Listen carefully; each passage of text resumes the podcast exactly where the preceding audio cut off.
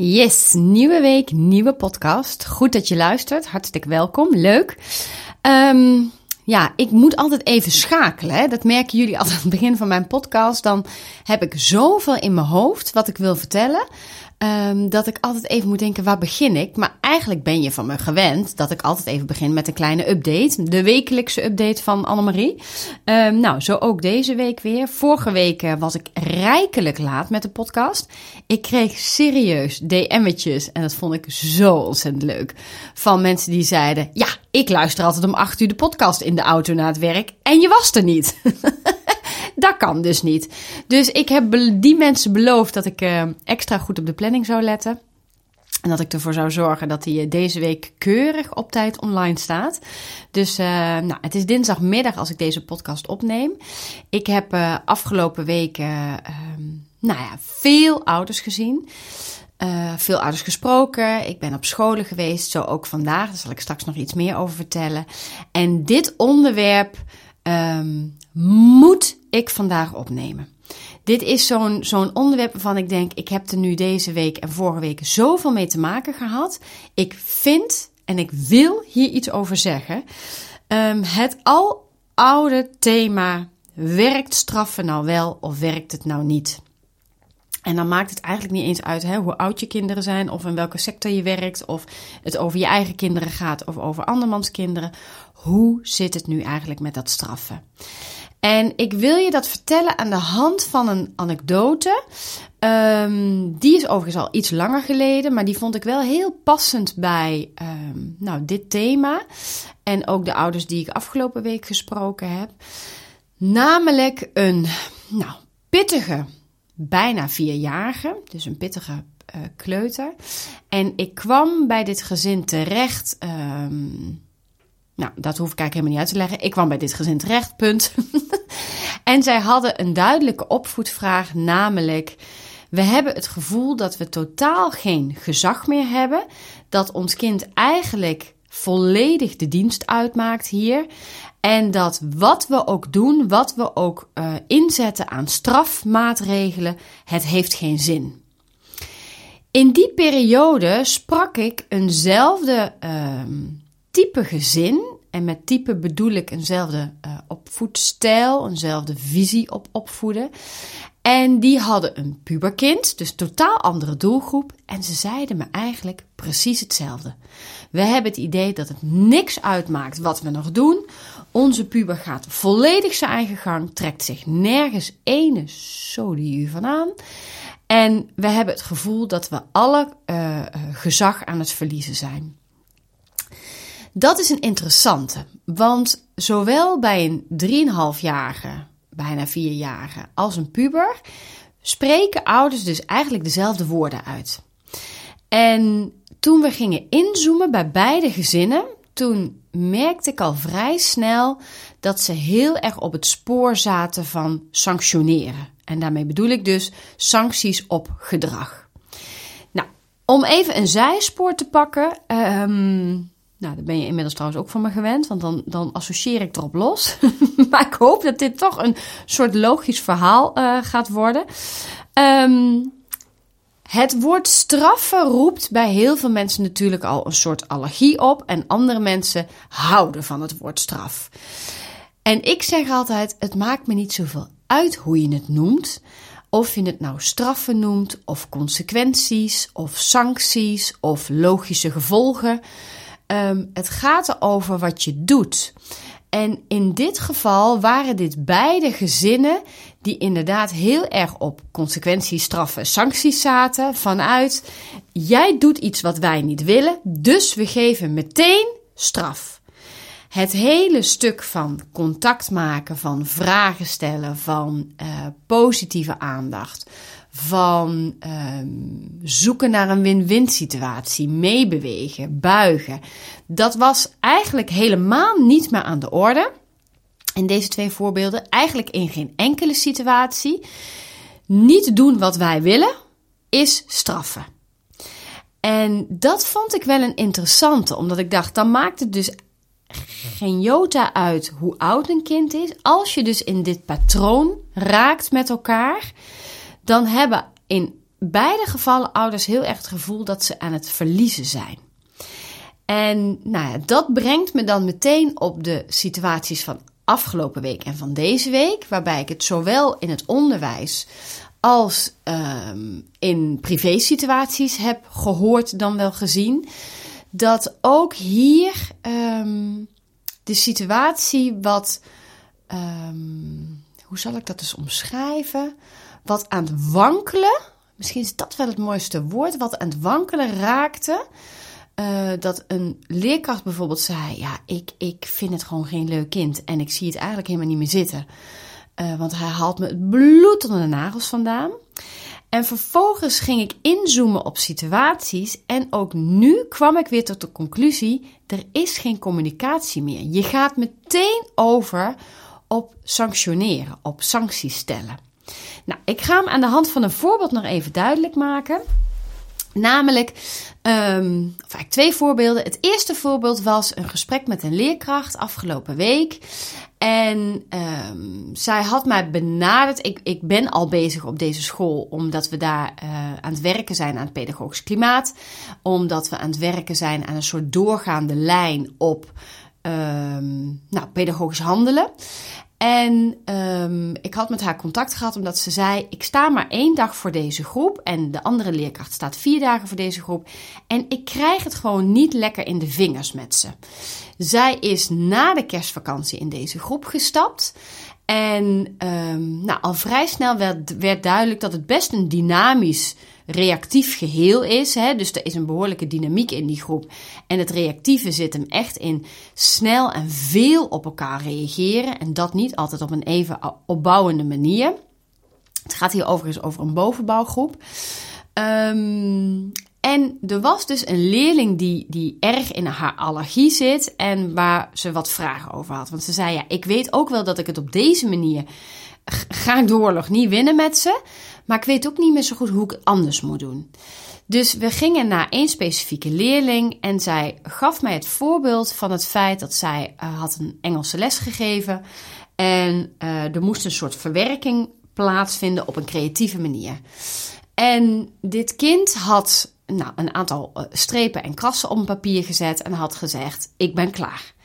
Waarop zij eigenlijk meteen had gezegd: Hoezo ben jij klaar? Dit is toch geen. Nou, en dan de opdracht. En vanwege de privacy ga ik daar niet al te diep op in, hè, want ik wil niet dat het te herleiden is. Dus ze was meteen eigenlijk in, in de weerstand gekomen, waardoor deze leerling ook meteen in de weerstand raakte. Hoezo niet? En ik heb toch gedaan wat je vroeg. En uh, maak er nou niet zo'n probleem van. Dus die werd ook wel randje brutaal. Um, en vervolgens, nou, nog wat meer voorbeelden gaf ze. Toen vroeg ik aan haar. Waarom denk je dat hij dit inlevert bij jou? Ja, ja, ja, nou ja, omdat hij het misschien moeilijk vindt, omdat hij uh, eigenlijk zich geen raad weet met de opdracht. Ja, hij is ook eigenlijk niet zo creatief. Dat is meteen super waardevolle informatie. Waarom doet deze leerling wat hij doet? Nou, toen we daar achter waren, vroeg ik aan haar: um, als we nou kijken naar het gedrag en dan meer het algemene gedrag en niet zozeer dit voorbeeld, Um, als je nou een cijfer moet geven aan zijn zelfvertrouwen, zijn zelfbeeld en eigenwaarde. Wat voor cijfer zou je dan geven? Tussen de 0 en de 10. Nou, beide scoorden een stevige onvoldoende.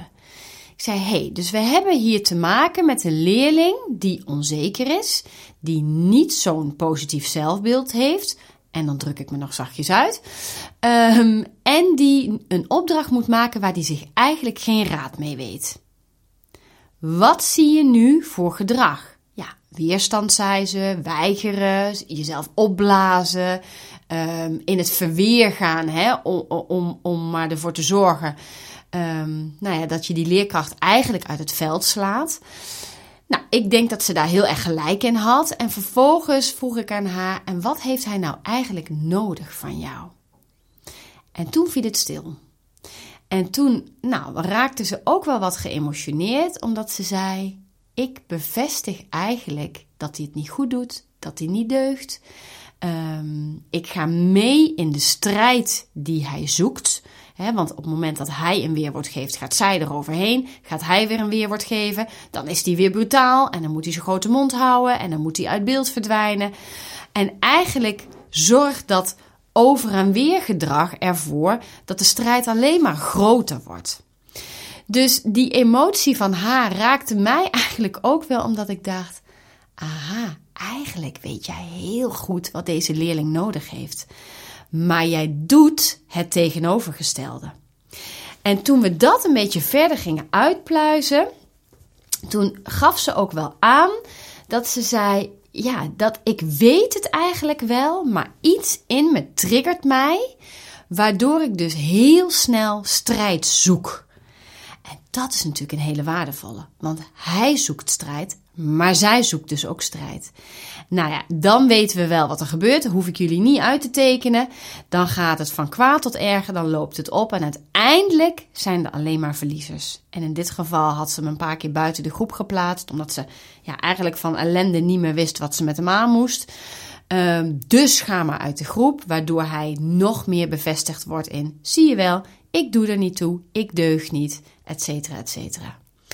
Nou, we hebben een, een redelijk eenvoudig plan gemaakt. Ik hou van eenvoudig. Hè? We hoeven geen um, handelingsplannen van zes kantjes te maken over één leerling, want daar geloof ik oprecht niet in. Dus we hebben een eenvoudig plan gemaakt waarbij we zijn gaan inzoomen op. Um, in plaats van dat je hem gaat straffen door hem uit die groep te plaatsen. Want het was dus ook echt bedoeld als straf. Ga er maar uit. Ik ben er klaar mee. Dat was de onderliggende boodschap. Um, zijn we gaan inzoomen op. Oké, de basis is dat we weer terug moeten gaan naar contactopbouw. Daar hoor je mij heel vaak over. Want ik geloof oprecht in iedere vezel. Als dat namelijk niet op orde is, dan maakt het niet uit hoeveel interventies je doet. Dan gaat het hem gewoon niet worden. Daar kan ik echt heel kort over zijn. Dus terug naar de basis van contact maken en werken aan die kwaliteit van relatie.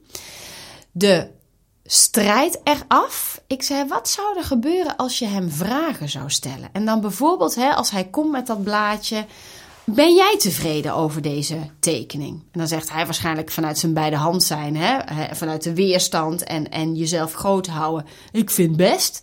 Oké, nou, dan vind ik het ook best. Dat zou ik bijvoorbeeld gezegd hebben. En vervolgens, en wat ga je nu doen? Want er is nog tijd over. Waardoor je veel meer vanuit verbinding en contact die, die, die, die uh, uh, relatieopbouw aangaat. Maar waarin je in plaats van hem eigenlijk meteen parkeren door te zeggen: Ja, je hebt, uh, dit is toch niet goed en het slaat nergens op wat je gedaan hebt. Um, en dat is taal die ook daadwerkelijk gebruikt werd. Um, veel meer naar, nou, wat vind je er nou eigenlijk zelf van? Op reflectie. En daar dan vervolgens de strijd mee weghalen. Want op het moment dat het dan dus hij vindt het oké, dan vind jij het ook best. Nou, dan is de strijd eraf. En nou hoor ik een aantal van jullie denken: ja, maar hij moet toch voldoen aan de opdracht en hij moet toch uh, uh, zich leren voegen. Ja, prima, maar niet in dit stadium. Want dit wordt van kwaad tot erger als je dit namelijk in stand gaat houden en de druk blijft opvoeren. Dit is een onzeker, kwetsbaar kind die zich enorm negatief opstelt om uh, nou, eigenlijk geen gezichtsverlies te lijden, zich groot te houden. Dus we moeten een beetje gaan zakken in de verwachtingen. We moeten zorgen dat er weer een beetje positieve aandacht komt. We moeten zorgen dat hij geen reden meer heeft om die strijd aan te gaan, waardoor het contact ook dus weer gaat verbeteren. Nou, als het goed is, heeft zij inmiddels een gesprek met hem gehad. Uh, om daarin ook aan te geven: ik wil dit niet meer. Ik wil dit contact met jou op deze manier niet meer, want dat vind ik helemaal niet fijn. En nou ja, zij was heel nieuwsgierig hoe hij zou gaan reageren. Of hij mee zou gaan in: ik vind het eigenlijk ook helemaal niet fijn. Of dat er een soort onverschilligheid zou komen. En eigenlijk maakt het niet heel veel uit wat hij laat zien. Jij als professional geeft aan: ik wil dit niet meer. En op het moment dat hij vervolgens gaat ervaren, niet door te zeggen, maar door wat jij doet, dat het ook anders gaat zijn, zul je zien dat hij um, jou gaat verrassen, maar dat jij hem dus ook verrast. En nou dit is een voorbeeld hè, van hoe je daar anders naar kunt gaan kijken. Dus nou, ik gaf aan, zie je dit zitten? Zie je het zitten om te gaan investeren op dat contact, om de strijd eraf te halen? Nou, we hebben aan de hand van een aantal situaties, uh, hebben we dus een plannetje gemaakt. En nou, ze gaf zeker aan hè, dat ze het zag zitten, maar ze zei, oeh, ik denk ook dat het heel veel gaat kosten. En toen stelde ik haar de vraag, en wat kost het je nu? En toen gaf ze eigenlijk meteen aan: dit is verschrikkelijk, dus het kan eigenlijk alleen maar beter worden. En dat is precies waar ik dan denk dat de winst te behalen is. Dit is afschuwelijk voor haar. Iedere dag dat zij in deze groep staat, gaat ze er met buikpijn in en sluit ze eigenlijk ook met buikpijn af.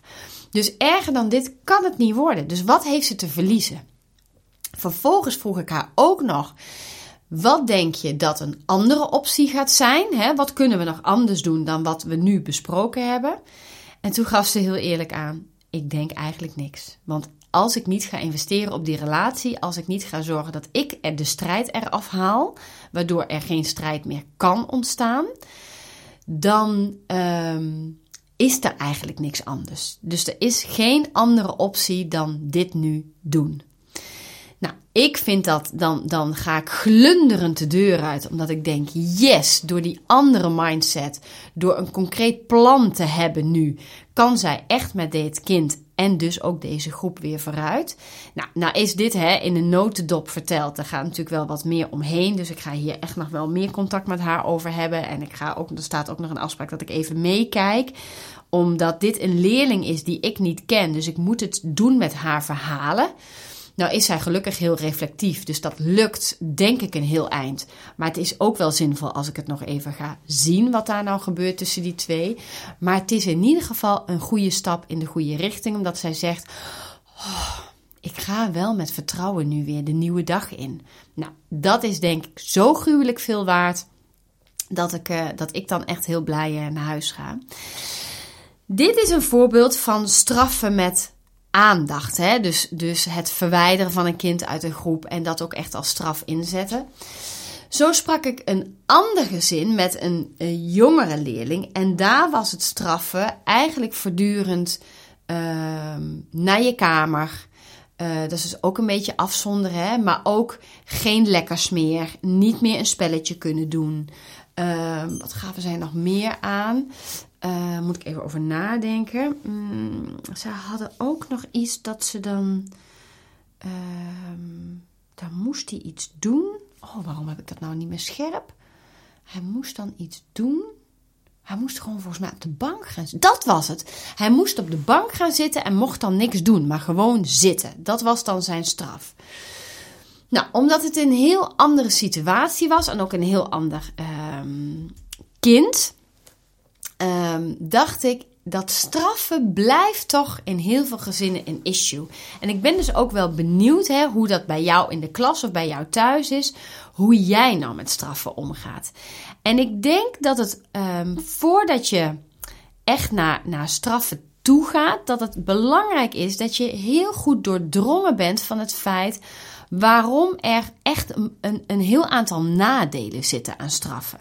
Nou, die nadelen wil ik even met je doornemen, uh, omdat ik denk dat dat je misschien ook wel een ander perspectief op het geven van straffen uh, geeft.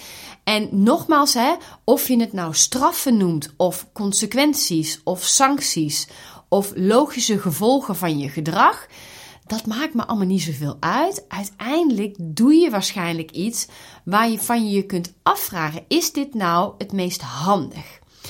En um, de vragen die je zelf mag stellen, of uh, de feiten die je, die je even mee mag nemen in die overweging, is dat door straf te geven leren kinderen niks nieuws. Wij geven vaak straf, en dat heb ik in de andere podcast ook al wel eens aangehaald. Wij geven vaak straf in de hoop dat een kind dan ander gedrag gaat laten zien. In nou, heel, heel, heel veel gevallen is dat niet het effect wat het gaat hebben. Dus jij kunt wel willen dat een kind met straffen ander gedrag laat zien, maar we weten inmiddels uit onderzoeken dat dat niet het geval is. Dus door straf te geven leert een kind geen ander gedrag. Meestal is het een uiting van jou vanuit onmacht of macht of een grens willen aangeven waardoor we straf gebruiken. En ik denk dat uh, die onmacht is een heel ander teken. Hè? Dan, dan is er een ander werk te doen, als het ware. Um, macht, idem dito. Want op het moment dat je vanuit macht reageert, mag je afvragen: hey, hoe zitten wij in de relatie? Hè? Hoe zitten wij samen in deze wedstrijd? Dat is een belangrijke. Uh, macht, onmacht. En wat zei ik nou nog meer? Oh ja, of een grens aan te geven. En grenzen zijn heel goed, hè? Ik hou heel erg van duidelijke grenzen. Want grenzen geeft duidelijkheid en duidelijkheid geeft veiligheid. Dus grenzen is heel goed. Alleen straf geven is iets anders dan een grens stellen. Dus als dat bij jou nog wat door elkaar loopt, dan is dat denk ik interessant om dat voor jezelf eens een beetje uit elkaar te gaan halen. Wat gebeurt er als je nou veel straft? Nou, in het geval van deze leerkracht, dat voorbeeld wat ik net uitgelegd heb, er ontstaat gewoon een onaangename sfeer. In dit gezin, waarvan ik kort iets zei, er is gewoon geen leuke sfeer in dit gezin. Het is gewoon, ja, ze, ze hobbelen eigenlijk van strafmoment naar strafmoment. En ze hebben een soort van, nou bijna geluk zou ik willen zeggen, op het moment dat er een dagdeel geen straf wordt uitgedeeld. Dus de, de, opvoedtools die zij gebruiken, de, de interventies die zij doen, die, die um, hangen eigenlijk aan elkaar van straffen. Nou, je kunt je voorstellen als je dat doet, dat het er niet gezelliger op wordt. Dus de vraag is: is dat wat je wil? En is dat ook wat je beoogt? Hè? Wat je, um, nou, het doel wat je hebt met straffen, dat er dus een negatieve sfeer ontstaat. En ik denk dat dat niet het geval is. Dat dat eigenlijk niet is wat je wil, maar het ontstaat wel door wat jij doet. Um, als we het hebben over dat zelfwaardegevoel, of dat eigenwaardegevoel en, en dat stukje zelfvertrouwen. Als jij heel veel straf krijgt, dan weten we allemaal dat dat niet bevorderlijk is voor je zelfvertrouwen. Want straffen is toch eigenlijk een uiting van: je doet het niet goed, je deugt niet, dus gaan we straffen. Terwijl de vraag is of je ongewenst gedrag moet gaan ombuigen door middel van de boodschap: je deugt niet. En ik denk als je daar eens heel kritisch over na gaat denken, dus op welke momenten straf jij dan? Um, wat voor gedrag laat, jij, laat het kind zien waardoor jij grijpt naar straffen? Hoe ga je daar dan vervolgens weer mee om? Dan kan het zomaar zijn dat je tot de conclusie komt: ik draag nu eigenlijk bij aan de afwijzing of aan de boodschap jij deugt niet. Want het is om de haverklap hetzelfde liedje met jou. En als jij nou maar eens normaal gaat doen, dan hebben wij allemaal niet zo'n last van jou. Dit zijn voorbeelden die je waarschijnlijk niet bewust inzet, maar die wel een soort, nou ja, een beetje viezige bijsmaak, bijvangst zijn van het feit dat jij snel grijpt naar straffen. Um, een klein zijspoortje weer, namelijk dat um, dit gezin waar ik het net over had, met dat kind wat dus veel straf krijgt. Toen ik vroeg aan deze moeder, um, waar heb je in de afgelopen twee weken spijt van? Wat heb je gedaan in de opvoeding waarvan je denkt, oeh, dat had ik beter niet kunnen doen. En niet om iemand daarmee um, zijn fouten te doen inzien, maar juist om te horen: hey, jij hebt dus heel goed in de gaten waar het misschien misgaat. En dat dat gebeurt, weet je, we zijn allemaal mensen. Dat is allemaal helemaal niet zo heel erg. Um, maar het kan wel helpend zijn om daarbij stil te staan, omdat het je laat leren in wat je misschien niet meer wil en waar je misschien meer van moet doen. Nou, dit, dit gezin gaf aan, of deze vader gaf aan, hij had het kind uiteindelijk weggebracht naar uh, de opvang. En had, het was zo'n afschuwelijke ochtend geweest, dat hij uh, eigenlijk bij de opvang nog een soort straf had uh, uitgevoerd. En daarbij had hij ook gezegd: Jij blijft nu op het bankje zitten.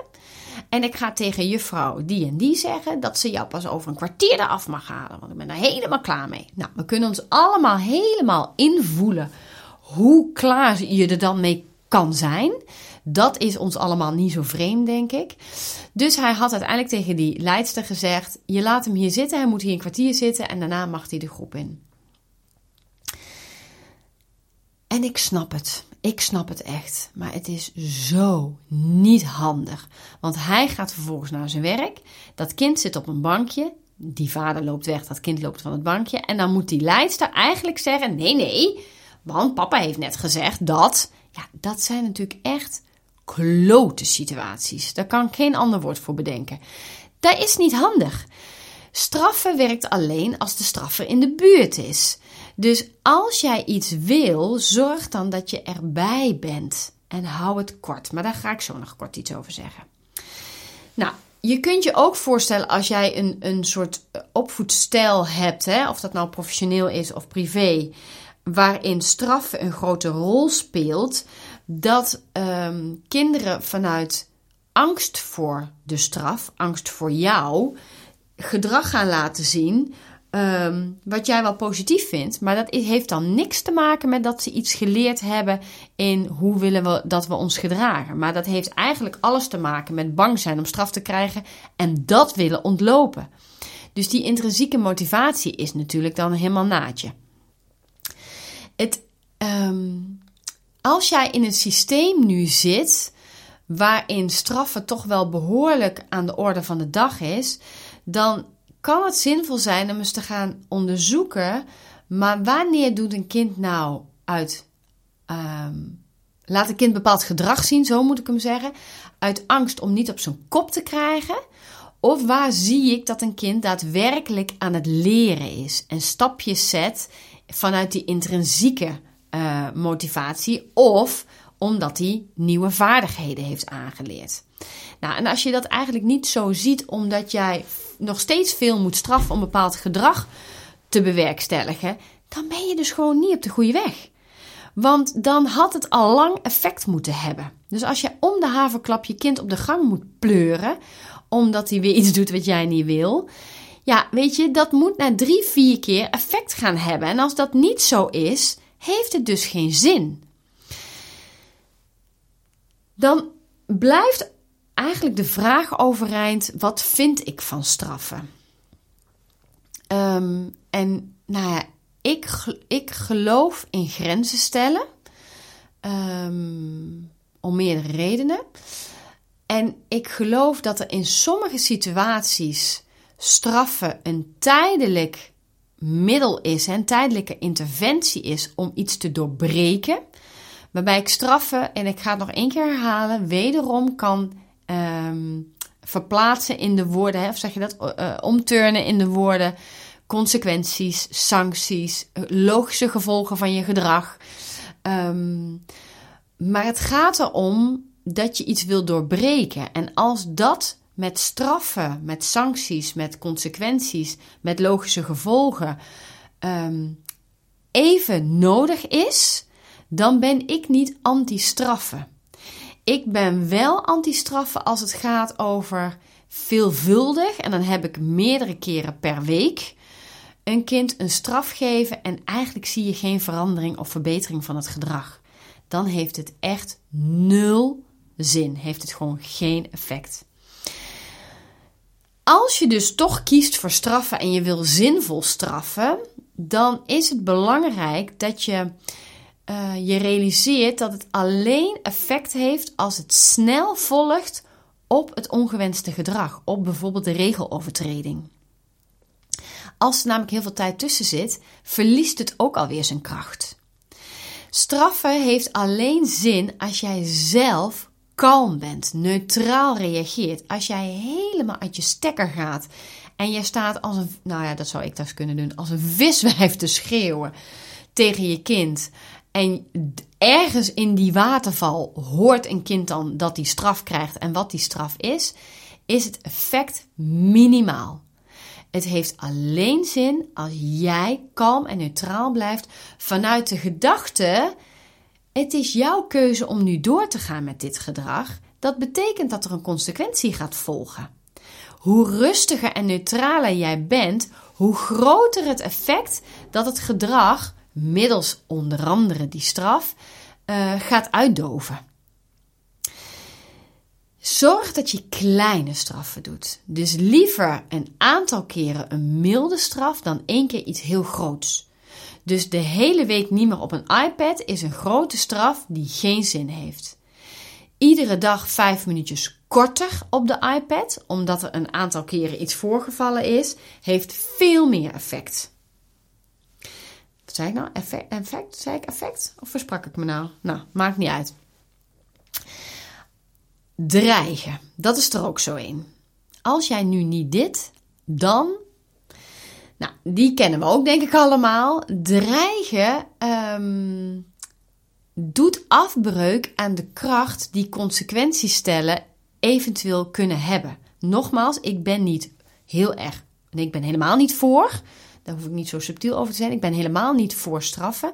Maar nogmaals, in sommige gevallen kan het bepaalde patronen doorbreken. Als je het dan maar op de juiste manier doet. Nou, ik heb je een aantal voorbeelden gegeven van ehm, nou, dingen waar je over na kunt denken, uh, vragen die je jezelf mag stellen, om ervoor te zorgen dat als jij kiest voor het geven van consequenties, dat het ook hout snijdt.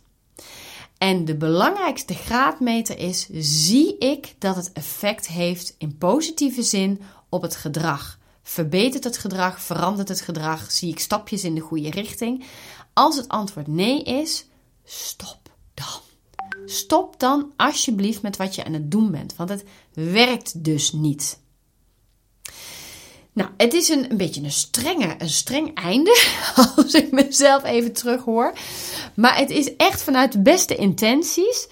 En het is echt omdat ik deze en vorige week dus zag dat, nou ja, dat de ene straf de andere straf opvolgde.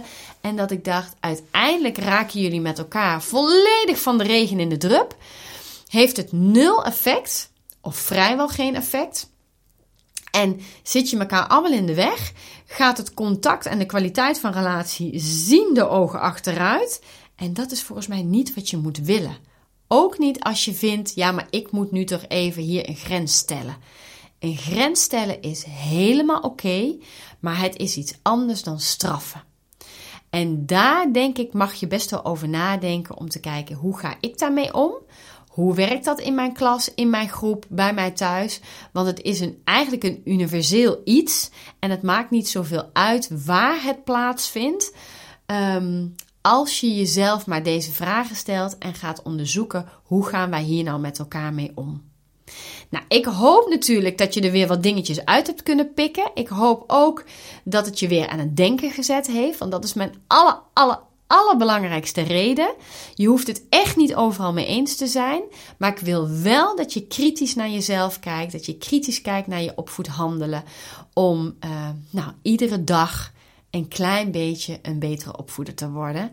En dan denk ik uh, nou, dat je onwijs trots op jezelf mag zijn, dat je het serieus neemt, dat je je eigen opvoedrol serieus neemt en um, dat je daarmee gewoon uh, stap voor stap nou, het beste wil doen voor ieder kind. Daar wil ik hem mee afsluiten. Ik ga jou een onwijs mooie week uh, toewensen. Ik heb weer super veel leuke dingen op het programma staan. Waaronder weer uh, stappen zetten in de online uh, training die er aankomt voor onderwijsprofessionals. Ik merk dat ik heel veel opdrachten krijg, waarin ik ook best wel vaak um, nou, dezelfde thema's moet behandelen binnen het onderwijs. En ik denk dat het heel waardevol is dat er een training komt die iedere onderwijsprofessional op zijn eigen tijd, op zijn eigen moment kan volgen. Uh, misschien ook wel modules eruit kan pikken die op dat moment uh, essentieel zijn. Waardoor je echt wel lekker snel aan de slag kan. Ook meteen hulp hebt, hè? al is het dan via een scherm. Maar het is niet minder oprecht, niet minder gemeend en niet minder waardevol. En uh, daarmee hoop ik eigenlijk het onderwijs weer een heel klein stukje verder te helpen.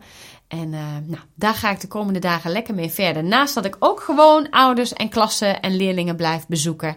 Dus uh, nou, ik heb er weer zin in. Ik spreek je snel en ik wens jou een mooie dag. Doei doeg!